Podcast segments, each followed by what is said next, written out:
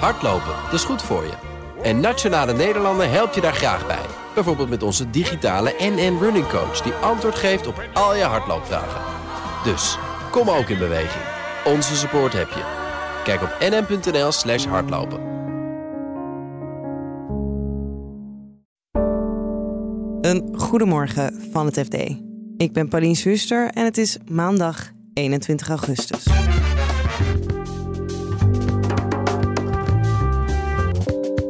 Zonder dat iemand het wist, had een Italiaanse investeerder opeens 15% Philips in handen. Klopt het dan wel dat je uh, wat Exor heeft gedaan, toch stiekem onder de radar uh, in het geheim uh, een belang kan opbouwen wat zo groot is dat, dat mensen daar toch in één keer van denken: hé, hey, dat is toch wel opvallend.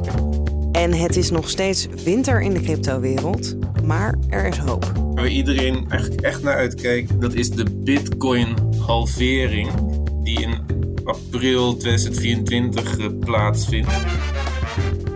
Dit is de dagkoers van het FD. De komst van het Italiaanse Exor als groot aandeelhouder in Philips hield de hele week de financiële sector bezig.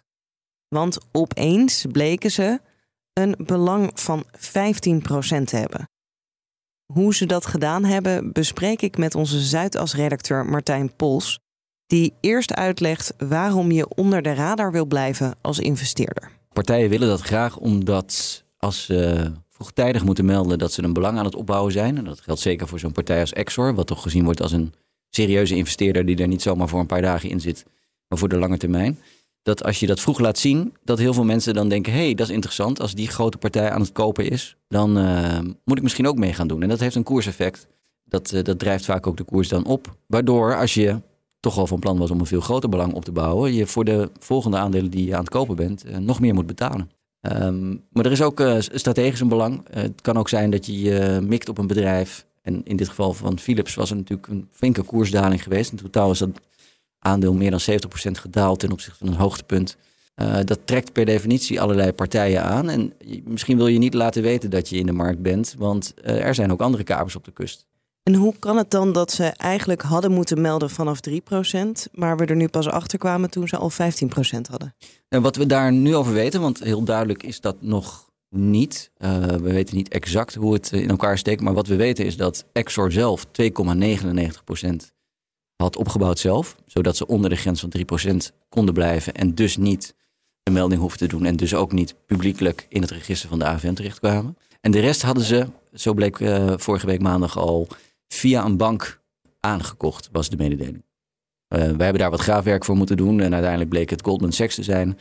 Die nou ja, namens Exor met een nou ja, nogal ingewikkelde uh, constructie, zo mag ik hem wel omschrijven, eh, de overige 12,01% voor Exor heeft geregeld. En dat moeten ze dan ook wel melden. Want Exor valt dan buiten de meldingsgrenzen.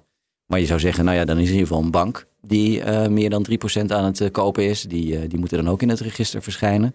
Dan wordt het wat ingewikkelder, want dan hebben we inmiddels ook een melding van Goldman Sachs een paar dagen later gekregen in het register van de AFM.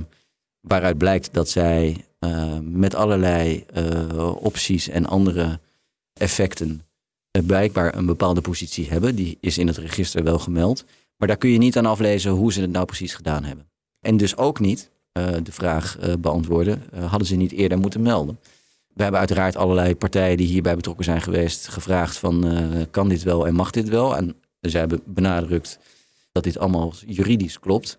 Maar goed, dat is niet het einde van de discussie. Uh, wij hadden vorige week ook in de, in de krant, in het FD, het verhaal dat met name vertegenwoordigers van beleggers daar toch nog wel vraagtekens bij stellen. Omdat het strikt juridisch mogelijk wel allemaal zou kunnen zoals het gegaan is. Maar je dan toch nog steeds de vraag hebt, maar klopt het dan wel dat je, uh, wat Exor heeft gedaan, toch stiekem onder de radar uh, in het geheim uh, een belang kan opbouwen wat zo groot is dat, dat mensen daar toch in één keer van denken, hé, hey, dat is toch wel opvallend. Want waarom hadden ze dat graag willen weten? Nou ja, kijk, beleggers die willen ook zien wat grote partijen in, in bepaalde aandelen doen. En ja, intransparante handel in een, in een, in een, in een grijs gebied uh, zoals sommige mensen dat toch wel noemen, uh, waarbij je niet kan zien welke prijsvorming bijvoorbeeld heeft er plaatsgevonden. Het is niet bekend wat Exor aan, aan Goldman Sachs betaald heeft voor aandelen Philips. Het is niet bekend wat Goldman op de achtergrond met al die constructies, in opties, in het lenen van aandelen, uh, voor prijs heeft betaald voor het aandeel Philips. Terwijl op de beurs, op de markt, hoort die prijs tot stand te komen. Dat is de essentie van een beurs. Die twijfel daarover, nou, die wil je wegnemen met die regels, met die wetten over die meldingen. Um, en als die meldingen dus worden ontweken op deze manier, ja, dan kan dat strikt juridisch misschien kloppen. Uh, de crux is, uh, dat zeggen die beleggersverenigingen ook, je, je, wil dat toch zien. Want de, de geest van de wet, van die meldingen, het idee daarachter is iedereen inzicht geven in wat de grote partijen doen uh, in dat aandeel waar jij ook in kan beleggen. En ik kan me voorstellen, als ik een bedrijf als Philips ben, dit is dan een nou ja, vriendelijke partij, hebben ze dat zelf genoemd. Maar stel dat er nou iemand komt waar je minder op zit te wachten, dan opeens kan je ook verrast worden met uh, die zit 15% in mijn bedrijf. Nou, dat is exact ook wat uh, Eumedion, de vereniging van institu institutionele beleggers, dus grote beleggers, ook, ook, ook zegt. Het is nu, dit wordt gezien als vriendelijk. Hè. Dit is in overleg met Philips gegaan weliswaar een groot uitgebreid contract voor afgesloten. Dus uh, vrienden, maar wel met afspraken. Maar de onvriendelijke variant, die, die bestaat natuurlijk ook. En als je een uh, plotselinge partij hebt waarvan je als bedrijf ook zelf niet weet... dat daar in één keer 20% zomaar van de aandelen in handen kunnen zijn van een, van een grote vijandige partij. En vijandig in de zin van die wil je bedrijf opknippen... Of die is al bezig met een, met een bod met anderen uh, om je van de beurs te halen. Dan geeft dat onrust. Dan ben je niet meer in controle. En dat is toch wel een van de dingen die je als bestuurder van een beursgenoteerde onderneming altijd wil zijn. Dus de waarschuwing, uh, ook van Eumedion. En ja, eigenlijk uh, de logica is ook inderdaad, nu is het een vriend. Maar als het een vijand is, is, het, is dit een constructie die mogelijk presidentwerking gaat krijgen, zoals dat zo mooi heet. En wat zegt de toezichthouder AFM er zelf over? Nou, die zijn zoals gebruikelijk vrij terughoudend in het, uh, in het commentaar uh, over uh, individuele aandelen, bedrijven en, en, en constructies. En, en zeggen dat ze, er, dat, ze er, dat ze het in de gaten houden. Maar verder niet. Ehm, het is niet in ieder geval zover als bijvoorbeeld in Duitsland een paar jaar geleden. Daar is hetzelfde gebeurd met Daimler, het moederbedrijf van onder meer Mercedes-Benz. Uh, toezichthouder heeft daar wel openlijk gezegd: we gaan dit onderzoeken. In Nederland hebben we dat uh, nog niet gehoord. Um, en tegelijkertijd zijn er ook mensen die zeggen: van nou ja, het is nu zo uh, onduidelijk in de markt. Dat zelfs ervaren zakenbankiers die, wij, die wij spraken suggereerden: van nou ja, hè, we zijn van nature geen fan van de toezichthouder, maar dit is toch wel onduidelijk. hier moet de toezichthouder wat aan doen. Dus het, het geeft wel aan dat, dat ook in de markt het gevoel heeft: van nou, hier zou toch eens een keer goed naar gekeken moeten worden. Dit is nu gebeurd. Dit zou strikt juridisch misschien ook wel mogen. Maar de vraag is of het wenselijk is. En of je dat dan inderdaad in de praktijk misschien uh, met, met nadere regels toch zou kunnen ondervangen. Zodat nou ja, partijen niet plotseling uh, groot aandeelhouder kunnen zijn en zomaar een, uh, een spel met je kunnen gaan spelen. Sinds de val van cryptobeurs FTX was er weinig activiteit op de cryptomarkt en stonden de koersen vrijwel stil. Tot afgelopen donderdag. Je hoort onze crypto-redacteur Pim Brasser. Donderdagavond laat uh, ja, stort de bitcoin in. Of tenminste, het was een uh, koersdaling van, uh, van meer dan 10%. Wat toch wel bijzonder is. En dat was eigenlijk voor het eerst sinds het omvallen van FTX dat dat gebeurde. Hebben we een idee waar die koersdaling vandaan komt? Nou, eigenlijk niet. Er leek niet echt een, een directe aanleiding voor te zijn. Maar wat wel zo is, als er heel weinig handel is in de cryptomarkt, dan kunnen een paar grote transacties, die, die kunnen dan al meteen uh, zo'n zo'n koers best wel, best wel heftig uh, beïnvloeden. Um, dus het, het, lijkt erop dat, uh, dat dat is gebeurd. Vervolgens dan daalt zo'n koers en dan kan er weer paniek uitbreken en dan gaan weer meer mensen verkopen en dan wordt de daling daardoor weer groter enzovoort. Dus, dus dat lijkt er gebeurd te zijn. Ja, en Valt er iets te zeggen over nou ja, hoe ze misschien uit die crypto-winter komen of dat het nog wat langer uh, gaat duren? Want er lijkt nu dus iets van beweging, maar kunnen we zeggen of dat aan gaat houden? Of...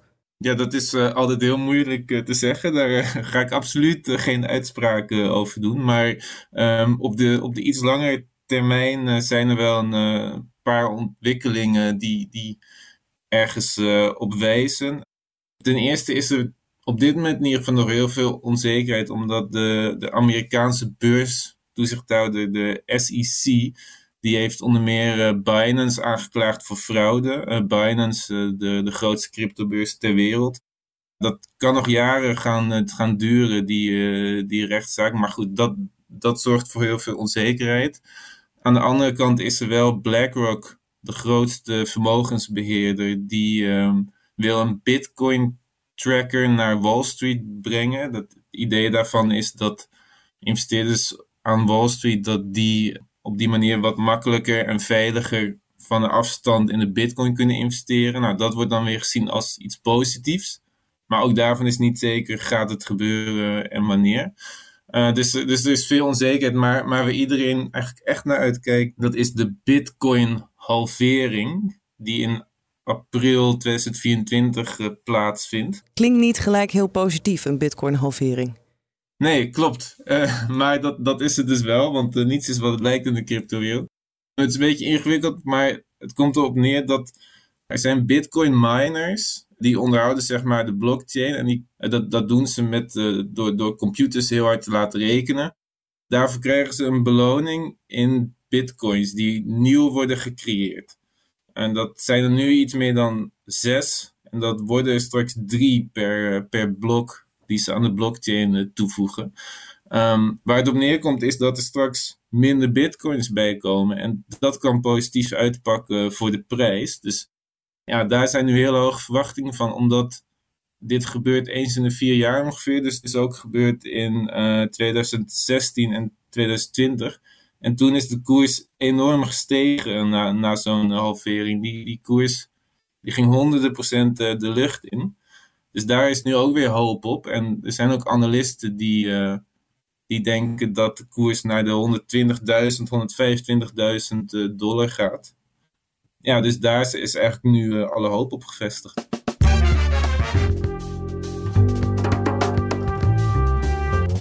Dit was de dagkoers van het FD. Vanaf vandaag zijn we er weer elke werkdag met een nieuwe aflevering. En als je abonneert op Dagkoers in je podcast-app, dan krijg je die automatisch binnen. Het laatste financieel-economisch nieuws, dat volg je op fd.nl of in de app. Nog een hele fijne dag en graag tot morgen.